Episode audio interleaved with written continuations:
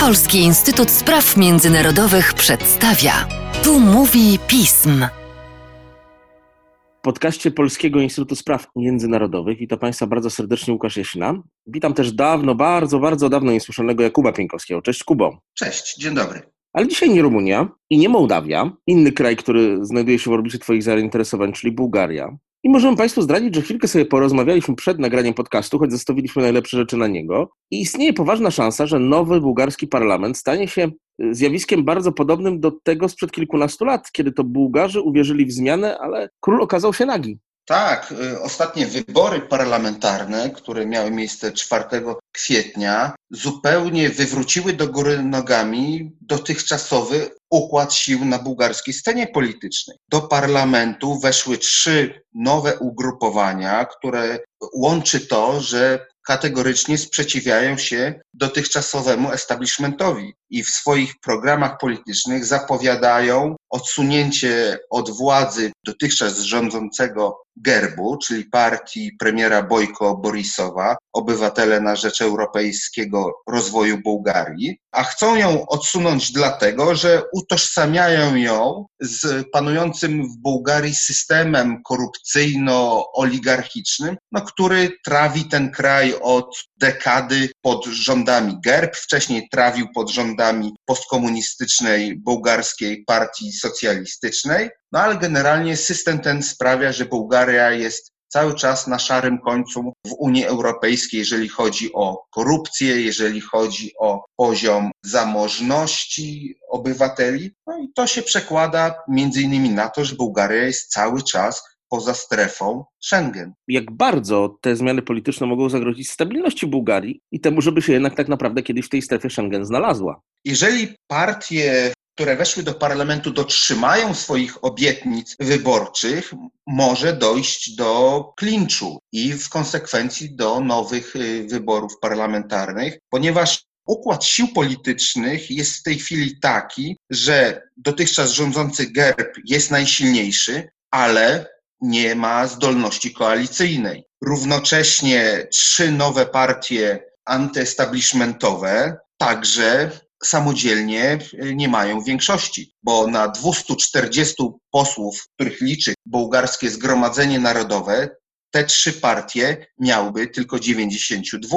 Musiałyby korzystać ze wsparcia czy to gerbu, czy to wspomnianej bułgarskiej partii socjalistycznej. Natomiast którakolwiek z tych opcji może się okazać dla nich zabójcza wizerunkowo, ponieważ by musiały wejść w porozumienie z jedną z sił, które zapowiadają, że te trzy partie chcą odsunąć kategorycznie od władzy. Natomiast polityka rządzi się swoimi prawami. Tutaj w pierwszym rozdaniu zgodnie z konstytucją prezydent Rumen Radew zaoferuje stworzenie rządu najsilniejszej partii, czyli Gerbowi. Prawdopodobnie to się nie uda. W drugim rozdaniu zaoferuje to stworzenie partii takiego celebryty Sławiego Trifonowa, który wprowadził do parlamentu swoją partię. Jest taki kraj, czy też raczej są tacy ludzie, tak to jest częściej tłumaczone. To jest partia eklektyczna, skupiająca ludzi o bardzo duży różnicy poglądów, o bardzo różnych życiorysach, zarówno z jednej strony i takich radykalnych działaczy antykorupcyjnych, ale z drugiej strony współpracowników bułgarskich oligarchów. No i w drugim rozdaniu właśnie są tacy ludzie, otrzymają tę propozycję. Natomiast no, Sławi Trifonow dotychczas zapowiedział, że tej propozycji zrezygnuje. Równocześnie jest pod presją, ponieważ dwie mniejsze partie antysystemowe, Demokratyczna Bułgaria i Powstań Precz, zapowiadają, że są skłonne poprzeć rząd Trifonowa. To samo oferuje bułgarska partia socjalistyczna, a nawet to samo oferuje GERB. Więc zakładając przez moment, że rzeczywiście Trifonow stworzyłby ten rząd, no to może się okazać tak, że cały parlament zagłosuje za jego gabinetem. No, wrócimy niemalże do czasów jeżeli chodzi o samą arytmetykę parlamentarną, no do czasów towarzysza Żywkowa. A czy nowy przywódca może stać się nowym Żywkowem? Raczej nie. Tutaj też jest przede wszystkim problem taki, że konia z rzędem temu, kto potrafi powiedzieć, czym jest ta partia, są tacy ludzie, ponieważ tak naprawdę ona się opiera na takiej osobistej charyzmie Sławiego Tryfonowa. To, jak powiedziałem, jest celebryta, w sumie już y, były muzyk. Buduje on swój kapitał polityczny na tym, że ostro atakuje cały dotychczasowy układ rządzący, czyli GERB, bułgarskich socjalistów, partię bułgarskich Turków, Ruch na Rzecz Praw i Wolności. To jest tak naprawdę partia kontrolowana przez oligarchów.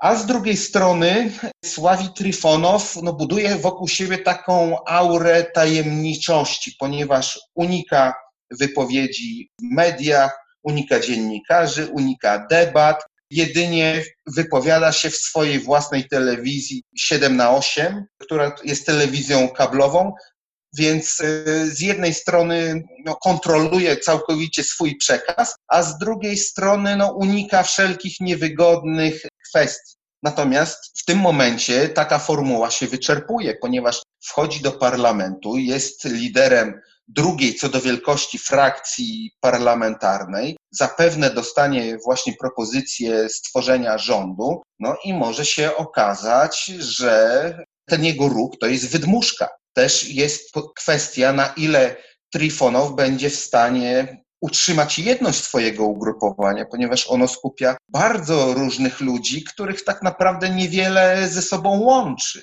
I możemy wziąć tutaj pod uwagę chociażby taki scenariusz, że część tych posłów będzie się obawiało nowych wyborów, ponieważ to jest niebezpieczeństwo zawsze nie tylko dla ugrupowania, ale dla każdego jednego szeregowego posła, który może po przedterminowych wyborach po prostu się nie dostać i utracić mandat.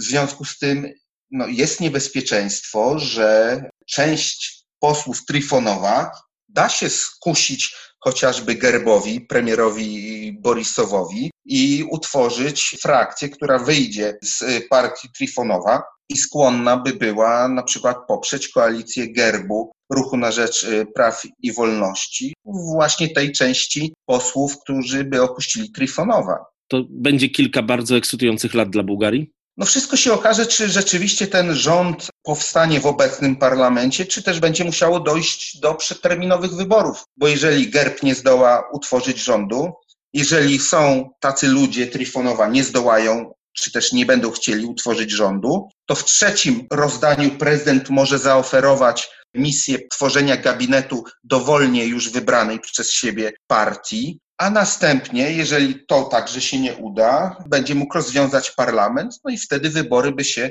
odbyły jesienią. Natomiast bez względu na to, rząd stworzy Borisow czy też nowe ugrupowania, to tak naprawdę w bułgarskiej polityce zagranicznej jakichś diametralnych zmian nie będzie. Tutaj nowe partie generalnie się opowiadają za utrzymaniem obecnego kursu polityki zagranicznej, czyli integracją z Unii Europejskiej, współpracy w ramach NATO. Jedynie tutaj Trifonow sygnalizuje, że powinno się przemyśleć kwestii sankcji unijnych nałożonych na Rosję, bo Bułgaria na tym bardzo traci pod względem ekonomicznym. I jeszcze, jeżeli popatrzymy na kluczową w tej chwili kwestię bułgarskiej polityce zagranicznej, czyli porozumienia z Macedonią Północną w sprawie porozumienia, które by umożliwiło Macedonii otwarcie negocjacji akcesyjnych z Unią Europejską, to też tutaj raczej się nic nie zmieni, ponieważ Trifonow jest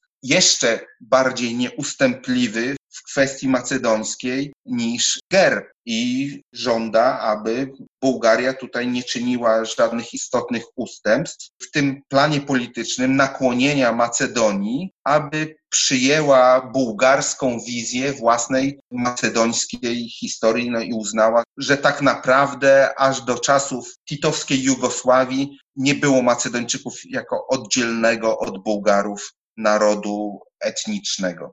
Zapominamy o tym, że ten trójkąt historyczny to przecież nie tylko Grecja i Macedonia. Kubo, liczę na Twoje wsparcie w pokazywaniu nam bułgarskich problemów w następnych miesiącach. Dziękuję za dzisiejszy podcast. Dziękuję bardzo.